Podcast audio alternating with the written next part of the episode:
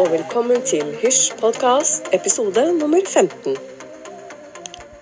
Og i eh, dagens episode så skal vi ta for oss eh, det her med kontrollerende atferd. Hva bør du se nærmere på hvis du plages med å måtte ha kontroll på absolutt alt? For det her med et sterkt kontrollbehov, både overfor deg selv og andre, det handler som regel om engstelse. Eh, noen er eh, mest engstelige for å bli forlatt og prøver å kontrollere andre, så de ikke gjør noe uventet eller blir for selvstendige. Og så er det sånn at andre tåler kanskje ikke eh, altså kjøret, altså den indre kritikeren som stadig forteller dem at noe er feil, uoverveid, lettsindig, bråkete eller uryddig. Så du holder tellekanter på absolutt alt, inklusive deg selv, f.eks. egne barn, venner, ektefelle og de eh, du omgås med i, i livet. Man kan kanskje definere det som ligger i en kontrollerende personlighet, eh, som er et, en dyp frykt. Altså spedbarnet og barnet som opplever at behovene deres ikke blir møtt, kan komme til å utvikle ja, tvangsmessige mestringsstrategier for å bli opphengt eh, Eller å bli opphengt i detaljer. Og en slik person eh, kan bli redd for å ikke kunne kontrollere situasjonen. Og det oppleves eh, som stress for en person som har litt utfordringer med kontrollerende personlighet. Det som kanskje kan kjennetegne en person som har kontrollerende atferd, det, det, kan være ved å diktere hva som gjøres, og hvordan det skal gjøres. Og eh, det kan være at de har en atferd som også definerer og kontrollerer alle aspekter av en situasjon, slik at de føler seg trygge. Men innerst inne så har de en usikker, eh, kall det personlighet. Eh, så derfor så er søken etter kontroll ekstremt stor for å dekke det behovet for å ikke da føle, føle frykt. Så det man kan si, er at eh, en kontrollerende person har en tendens til å føle seg truet hele tiden. Og ettersom eh, hver endring som skjer, det er et potensielt farlig steg for deres eh, perfekte planlegging. Så en kontrollerende person streber jo alltid da etter å ha alt i orden og under kontroll. Og ved første øyekast vil noen si at det er ikke noe galt med det. Tross alt kan god planlegging forhindre mange problemer. Og eh, når vi analyserer litt videre, ser vi at bak denne perfekte organiseringen ligger det mye innsats, spenning og nerver. Så det jeg mener, er da at roen til en kontrollerende person, den opprettholdes eh, av en eh, ja, prekær balanse og henger også i en tynn tråd siden enhver uforutsett hendelse truer med å bryte deres perfekte planer. Um, og det er jo akkurat dette kontrollerende personer uh, frykter mest. Så uh, da kan vi ta en liten titt på hvordan man identifiserer denne måten å være på, uh, og hvordan man håndterer det. Så først og fremst kan vi ta for oss da egenskapene til en kontrollerende person. Det er jo sikkert ikke alle punktene her, men jeg kommer med noe. Og det er at uh, punkt én, altså de oppfører seg som de beskytter andre mennesker. Og på denne måten så skjuler de sitt eget ønske om kontroll under en fasade av interesse eller bekymring. Um, men innerst inne da, så har denne type mennesker med en slik atferd en permanent følelse av usikkerhet og fare. Og av denne grunn så er de veldig oppmerksomme på de situasjonene som er av interesse for dem, noe som fører til en konstant opplevelse av stress. Man kan kanskje si at uh, de er lite fleksible mennesker som synes det er vanskelig å tilpasse seg endringer og uforutsette hendelser. Generelt prøver de å etablere sine egne spilleregler, og av denne grunn er det er de vanligvis ikke veldig spontane. Og eh, Eh, videre så kjennetegn det er at de er usikre og har lav selvtillit, selv om noen ganger kan det virke som om de, som om de presterer godt, altså at de har egentlig et veldig godt selvbilde og, og utstråler det. Men de er egentlig innerst inne redde for å miste kontrollen og bli avslørt, eller at folk vil innse eh, hvordan de har det. Så de prøver alltid å være på topp. I noen tilfeller så kan det være svært hva skal vi si, invasive eh, mennesker som kanskje ikke respekterer personvernet ditt, og kan til og med be deg om passordet til mobiltelefonen eller datamaskinen, blant annet. Og så er det jo slik at mange ganger har kontrollerende mennesker en tendens til å skylde på andre. Eh, og eh, baksiden av skyldfølelse er ofte at de bruker emosjonell manipulasjon for å få det de vil ha. Og på denne måten genererer de skyld Eh, og medlidenhet hos andre som gjør eh, det de blir bedt om. Så man kan si at eh, for å beholde sin egen kontroll, så kan de utnytte seg av mennesker rundt som de vet de kan på en eller annen måte styre mm, ved deres Hvis det er en empatiske personer, personer som er opptatt av å gjøre ting riktig osv., så, videre, så kan de benytte det for å, sin egen vinning. Og så er det jo sånn at eh, det er jo positivt å ha litt kontroll over livet. Eh, siden det lar, altså det lar deg ha en sikkerhetsmargin og vite hvordan du skal handle, og ikke føle at du er i midten av ingensteds land. Eh, dette bør imidlertid ikke forveksles med å kontrollere andres liv. Alle bør ha sin egen autonomi og frihet til å ta sine egne beslutninger. Så med det så kan man skille mellom det å ha kontroll og det å ha en kontrollerende atferd. Så er det jo sånn at når det er noen som er svært kontrollerende i omgivelsene, så kan jo kontroll føre til konflikter, og det er veldig giftig for relasjoner ettersom andre i miljøet ender opp med å føle seg overveldet. Og selvfølgelig er det viktig å forstå at det ikke alltid er svart eller hvitt. Fordi ofte bak atferder så eh, kan det være en viss forståelse for hvorfor folk eh, noen folk oppfører seg slik de gjør, at det ligger noe til grunne for det, da. F.eks. i noen tilfeller eh, kommer behovet for kontroll fra type oppdragelse som mottas, f.eks. autoritær eller rigid foreldreskap. Eh, I denne forstand enten du er personen som søker å utøve kontroll, eller du er den som går gjennom en lignende situasjon, så er det viktig å be om hjelp for å unngå å skade din mentale helse eller de, de rundt deg.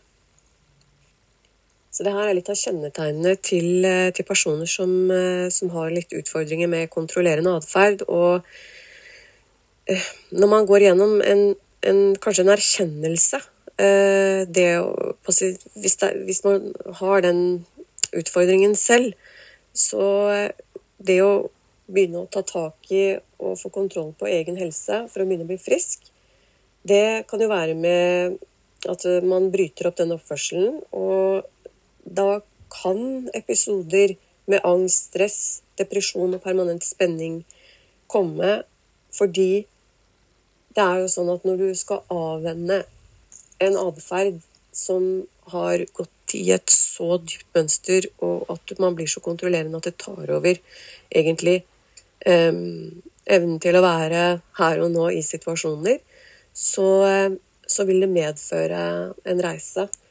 Og eh, derfor så, eh, så er det et mønster å bryte opp, og da vil da vil, vil, man gå gjennom en følelsesmessig eh, følelsesmessige reaksjoner for, for, å hente opp eventuelt hva, hva er årsaken til at eh, man har havnet her, da.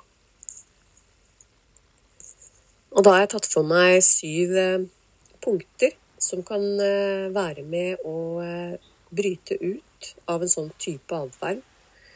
Ehm, jeg velger å ta det først og fremst. Eh, for når det dreier seg om det å ha kontrollerende atferd, så kan man punkt én begynne å jobbe med å gjennomskue kritikeren din. Fordi ehm, så lenge du holder på forklaringen om at det er det andre det er noe galt med, så kommer du ikke videre. Og hva innholdet i kritikeren av deg selv Eller hva er innholdet i kritikeren av deg selv og andre? Hva er du redd for kan komme til å skje eller gå galt? Det er spørsmålene i første punkt man kan begynne å gå inn i for å klargjøre eh, akkurat eh, de spørsmålene i det punktet. Punkt to så kan det være det å trene på å la andre være i fred og utfolde seg uten din eh, mening eller, inngrip, eller inngripen, da. Eh, hvor galt kan det egentlig gå, er spørsmål man kan stille seg. For er du fasadeorientert, slik at du er redd for hva naboer eller andre mener om deg og familien din, er det sånn at du kanskje skal sette deg noen spørsmålstegn for hva er grunnen til det? Og husk at dette er kritikeren din som er i funksjon, så ikke gi den så veldig mye makt. Skriv ned litt i punkt to på, på, de spørsmålene der. Eh, over til punkt tre. Er du mer perfeksjonistisk orientert, slik at ingenting bortsett fra det perfekte er godt nok for deg og dine? Det er et spørsmål du kan stille deg. Du kan da trene på å gi blaffen. Tren på å fremstå som eh, litt mindre perfekt selv. Og du kan gi deg selv korte tidsfrister på å jobbe, slik at du ikke blir sittende og finpusse og forberede deg uten å klare å bli ferdig med, med oppgaven. Det er også en fin øvelse. Og da har vi gått over til punkt fire, og det er å prøve å la være hele tiden å være et hestehode foran alle andre. Det å eh, være foran hele tiden, det betyr som regel at du bekymrer deg, og at du ikke klarer å være til stede her og nå. Eh, for det er jo her, her og nå livet foregår. Så eh, slik du opererer, får deg bare til å føle deg livløs og ikke deltakende. Og gjør deg kanskje ofte både sint og misunnelig på de andre som du ser deltar. For du sitter hele tiden og analyserer. Så gå inn i, eh, i, i, i det spørsmålet og kanskje trene litt på, på det her med, med å ikke måtte ligge foran alle andre. Punkt fem. Sliter du med et såkalt spinning head, altså uro, dårlig søvn, du engster deg, du lager kanskje katastrofescenarioer. Eh, har jeg husket det? Tenk om Jeg kommer sikkert til å bli avslørt. Er det min skyld? Dette er jo kritikeraktivitet, der kritikeren prøver å innbille deg at du er i fare. Og det eneste som kan redde deg, det er å passe på alt kritikeren sier. Så her, når du begynner med dette tankespinnet, så tenk at du har en stor saks, og tren deg på å klippe bort de tankene. En annen måte man kan fjerne tanker på, eller la de passere, det er å si takk, men denne tanken er ikke til meg, og la den passere. Da har vi kommet over til punkt seks. Så hvis du har mislykkes f.eks. i en oppgave, eller skuffet noen, hva skjer med deg da? Eh, hva slags ubehag får du? Kjenne etter det. Og hvilken katastrofer tenker du skal ramme deg eller andre? Eh, og sammenligne med hva som skjer i virkeligheten. Så på punkt seks der Gå gjennom de spørsmålene. Hva er det som egentlig skjer? Alle gjør feil. Prøv å ta brodden ut av det med å være perfeksjonistisk i, i de tingene du gjør. Og punkt syv. Mitt favorittpunkt. Tren på å dumme deg ut. Gjør ting du ikke mestrer, og lær deg å more deg med din ufullkommenhet. Le av deg selv. For det er jo faktisk ikke sånn at noen er perfekte. Vi alle gjør feil. Vi alle sier rare ting. Um, med det så mener jeg også det at når du senker skuldrene dine og kan lene deg litt tilbake og være med på det som skjer, og ikke bare være observatøren og, og, og må ha oversikt og kontroll over alt, så vil også livskvaliteten din bli mye, mye bedre. Men det er ikke spøk til side. Det er veldig alvorlig det å ha en kontrollerende atferd. Det er ikke alltid Altså, det er jo ikke noe man velger. Det er jo noe som skjer, kanskje sakte, men sikkert, fordi at det er episoder i livet som gjør at man har havnet der. også for å bryte opp mønstrene i, eh, i det å på en måte kanskje kartlegge selv. Kanskje du har en liten hunch om at ja, jeg er nok litt kontrollerende, eller ja, jeg er veldig kontrollerende, og jeg syns det er stressende, og åh, det hadde vært en befrielse å kanskje kunne få litt pause fra, fra, fra det. Eller kanskje ja, uansett, da. Men når du begynner å være i akttageren på at du ønsker å bryte med en kontrollerende atferd, så har jeg fire øvelser som man også kan gjøre. Det er jo Trinn én er det å beskrive tilstanden du kaller å være kontrollfreak, så nøyaktig du kan. F.eks.: Jeg må ha kontroll og styring, hvis ikke blir jeg urolig, redd og usikker. Eh, det kan jo være noe som dukker opp. Og så kjenne etter hvor i kroppen du lokaliserer denne trangen, og skriv det ned. Og trinn to eh, så kan du begynne å kjenne litt etter. Er det i spesielle relasjoner eller situasjoner denne tilstanden oppstår? F.eks. hver gang jeg er på jobben, hver gang jeg synes andre ikke gjør noe de skal, eller hver gang jeg er sammen med venner som aldri tar ansvar. Eller når noe uventet eller uforutsett skjer. Ta deg tid til å sette opp eh, punkter og kjenne litt på den følelsen. Hva er det som skjer? Når er det jeg føler at denne kontrollen griper tak i meg, og at jeg må på en måte handle på den atferden? Og eh, trinn tre, det er hva er dine tanker om de andre og deg selv? For eksempel, de skjønner ingenting. De er slurvete, unøyaktige, uansvarlige.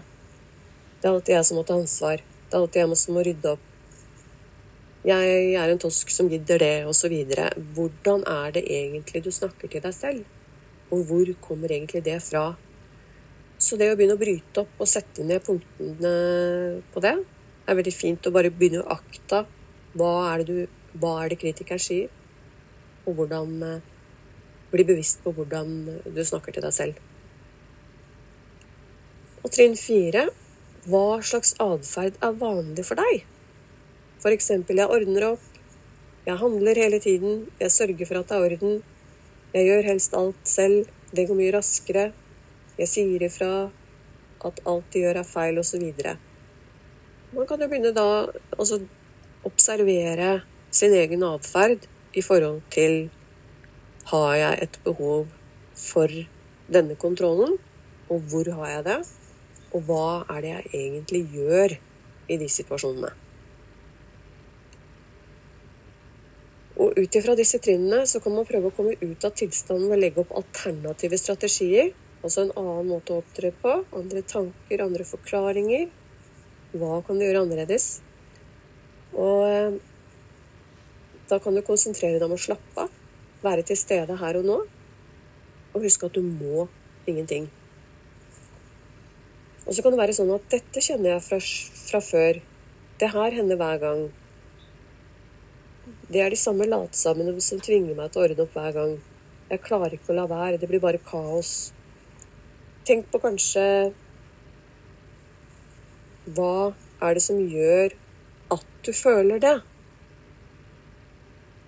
Du på en måte tar ansvaret andre skal gjøre, over på deg selv. Det å gjennomskue kritikeren her, det å ta for seg tankene du skrev ned om de andre enn deg selv Om de andre og deg selv, mener jeg. Eh, det er, de eneste tankene, er det de eneste tankene som er sanne? Kan man begynne å spørre seg. Tror du virkelig at din refleksjon er sann? Kan det være en gammel vane jeg ikke tåler å kjenne på. At det er uroen da som, som vekker dette kontrollbehovet.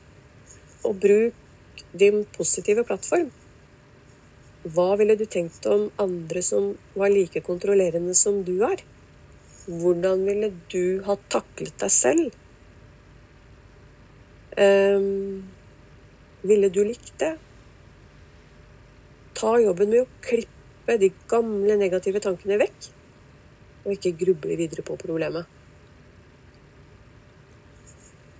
Og det å velge alternativ da, er også noe man kan gjøre. Så neste gang så gir jeg F i å ordne opp. De kan gjøre det selv. Jeg løfter ikke en fot mer. Jeg skal sitte stille og kjenne på uroen. Jeg skal begynne å be om hjelp i stedet. Det skal jeg trene på f.eks. hele uka. Det å gi deg rom og plass til å gå ut av din egen atferd. Det å kjenne at eh, livet går videre, selv om ikke jeg rydder opp. For det er jo sånn, da. Å bære på en sånn type, eh, type atferd vil være veldig tyngende for en selv. Så det å begynne å kjenne at man gir litt slipp, og når man klarer å gi bitte lite grann slipp på noe, så kan også det ha en dominoeffekt på andre ting som gjør at du mer og mer gir slipp på det, og får lov til å få mer indre fred, mindre stress, mindre angst, og få lov til å kjenne på en ro. Og husk at dette dreier seg om å, å trene på nye tanker og nye væremåter gang etter gang inntil du får eh, taket på det. Og eh, det er jo ikke lett, men slik er det med alt som er nytt og uvant. Og eh, du må gi deg sjansen til å, til å få det bedre. Da har vi tatt for oss litt det her med hvordan man kan kvitte seg med kontrollerende atferd, eller bli mer bevisst på det, for å sakte, men sikkert gi slipp. Men jeg hadde også lyst til å ta for meg hvordan man håndterer kontrollerende mennesker i livet sitt. da. Og eksempel hvis det er en sjef som må overvåke alle detaljer i arbeidet ditt, eller en partner som tar alle avgjør, altså avgjørelser for deg, eller dere begge, en venn som presser deg til å gjøre det de vil. Eh, kontrollerende mennesker det kan jo være til stede på så mange områder i livet ditt, og videre så er det ofte veldig emosjonelt slitsomt å håndtere det. Så hvis du tror du har noen eh, som dette i ditt miljø, så eh, kan eh, jeg vise deg noen tips eh, hvordan man kan bli kvitt innflytelse av, av, slike mennesker. Jeg hadde også lyst til å bare ta for meg en ting til. at eh, det å identifisere kontrollerende mennesker er ikke alltid like enkelt. Så et av hovedproblemene når det gjelder det her med å det å kontrollere mennesker er vanligvis med på å identifisere hvem de er. Selv om dette kan høres ut som en enkel oppgave, så er disse menneskene vanligvis sosialdyktige, kanskje attraktive også, og veldig overbevisende mennesker. Så hvis du finner ut at en annen person prøver å manipulere eller tvinge deg, eller ta behovet for å kontrollere deg til det ekstreme, så kan du jo bli fristet til å fortelle dem det, og få dem til å se rasjonelt på det. Men imidlertid så har disse velmente forsøkene sjelden eh, noen eh, effekt. For det, det, du kanskje bør huske på hvis du møter en person som er svært kontrollerende, så er kontroll en nødvendighet for disse menneskene. Ehm, de føler at hvis de mister den, så er de i fare. Og følgelig vil de ikke resonnere, men bare at du skal tilpasse deg kravene deres. De finner utallige unnskyldninger og argumenter for å støtte oppførselen sin og få deg til å føle deg malplassert. Så velg derfor kampene dine godt, og ikke kaste bort energien din på nytt, en nytteløs eh, debatt der, da. Så for å takle da eh, eh, mennesker i livet ditt som er kontrollerende, så kan du jo være selvhevende. Eh, for det er usannsynlig at du kan endre tankene til en kontrollerende person. Så av den grunn vil ditt beste verktøy være selvhevdelse. Altså det, det, er faktisk ekstremt viktig at du er tydelig på dine synspunkter, argumenter og beslutninger, og at du holder deg til dem. Du trenger ikke unnskylde eller rettferdiggjøre deg selv. Bare uttrykk det du tenker, føler og ønsker med respekt og klarhet, og handle deretter. Kontrollerende atferd eh, er ofte mennesker som har eh, et vanligvis ekstremt, er ekstremt eh, insisterende. Og de vil holde ut for å få deg til å oppfølge ønskene sine, og vil ofte bli irritert hvis du ikke gjør det. Spesielt hvis du tidligere ga etter forespørselen deres, hvis du tidligere har gjort det. Så sørg imidlertid for å holde ut dynamikken i, i forholdet deres. Kontrollerende mennesker handler kanskje ikke på samme måte i alle sine relasjoner, det skal sies. Men det er slik at jo nærmere og mer intimt forholdet er, jo mer øker behovet for kontroll. Så Derfor så kan det være nødvendig å sette grenser og, og holde litt avstand. På samme måte vil en kontrollerende person opptre på en annen måte eh, hvis de er din eh, venn, enn om de er partneren din. Så derfor, i hvert tilfelle her, så tenk på hvilket eh, Altså hvilket element av deres kontroll du er villig til å godta på en eller annen måte. I noen tilfeller så må du kanskje bryte forholdet, men hvis ikke det er mulig, så prøv å opprettholde den graden av nærhet eller følelsesmessig avstand du føler deg komfortabel med. Hvis det er sånn at du går din vei fra en kontrollerende person, så er det sannsynlig at de vil slutte å blande seg i dine saker og fortelle deg hva du skal gjøre og hvordan du skal oppføre deg. Rett og slett fordi de ikke lenger vil være en del av livet ditt. Imidlertid så er det viktig at du vurderer situasjonen som førte til at du ble knyttet til og forblir i et forhold til en med kontrollerende atferd. For det er jo da arbeidet med deg selv begynner, hvordan man i møte med kontrollerende mennesker er. Er det sånn at du blir dratt inn og lar deg manipulere? For da er det jo sånn at man må kanskje sette seg et spørsmålstegn hvorfor man eh, i møte med slike mennesker um, hvorfor man tiltrekker seg det. Og ofte så kan jo det være lav selvfølelse, eh, behovet for å glede andre eller frykt for konflikt. Eh, det er noen av som, noe som kan være årsaken. Og hvis du oppdager at noen av disse mønstrene i deg selv, så må du jobbe med dem, slik at du ikke gjentar denne dynamikken med en annen person i framtiden. Og videre så er det ikke nok å bare komme seg vekk fra den kontrollerende personen i seg selv, men du må også distansere deg fra den delen av deg selv som følte til at det skjedde. Eh, for det er jo sånn, da, i eh, ulike relasjoner, så er det jo til syvende og sist eh, kan være ganske utfordrende for din følelsesmessige helse å opprettholde et nært bånd med en kontrollerende person.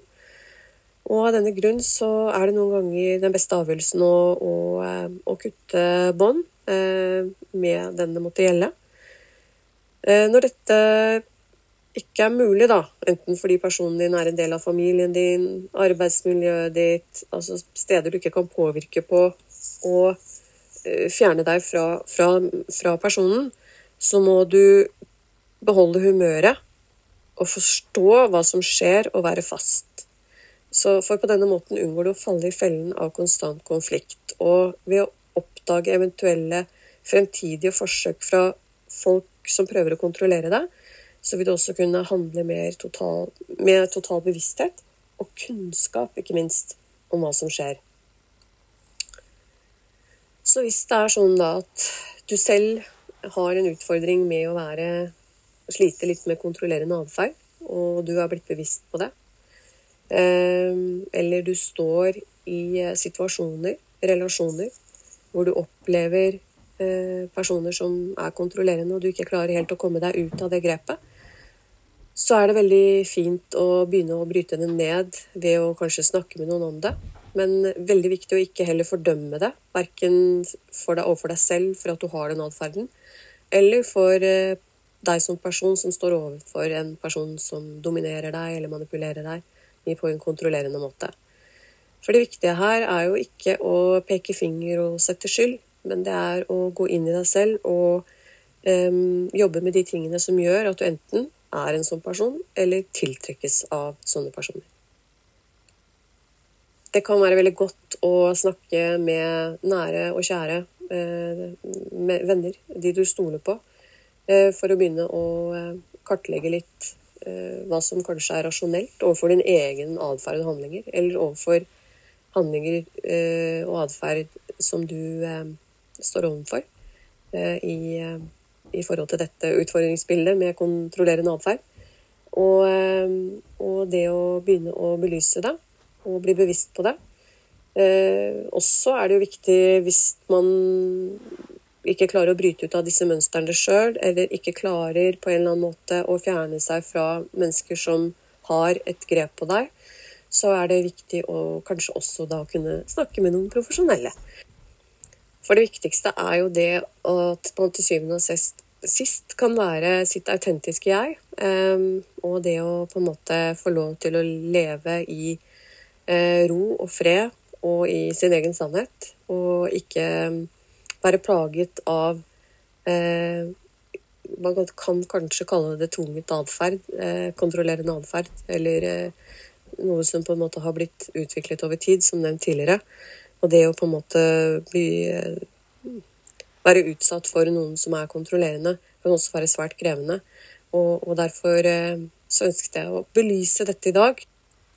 For å komme med noen råd om hva man kan gjøre hvis man er eh, i situasjonen eller blir utsatt for eh, kontrollerende atferd. Jeg har til slutt også lyst til å anbefale en bok. Dette er en bok som heter Selvkritisk som er skrevet av Aksel Inge Sinding og Sigrid Magelsen Skeide. Denne boken er eh, skrevet eh, med ett mål for øye, og det er at du som leser eh, skal få et bedre forhold til deg selv. Så den kan jeg anbefale. Og med det så har vi kommet til veis ende i denne podkasten. Og jeg håper at eh, for deg som er interessert i temaet, har eh, hentet noe ut fra, fra denne episoden. Og så vil jeg bare takke igjen for all mail. Eh, nå er vi i prosess med noen intervjuer som skal bli veldig spennende å sende etter hvert nå utover sommermånedene. Så en liten teaser der, altså. Men i hvert fall. Eh, da ønsker jeg dere en riktig, riktig fin uke, alle sammen. Og så eh, håper jeg vi høres neste søndag. Ha det bra.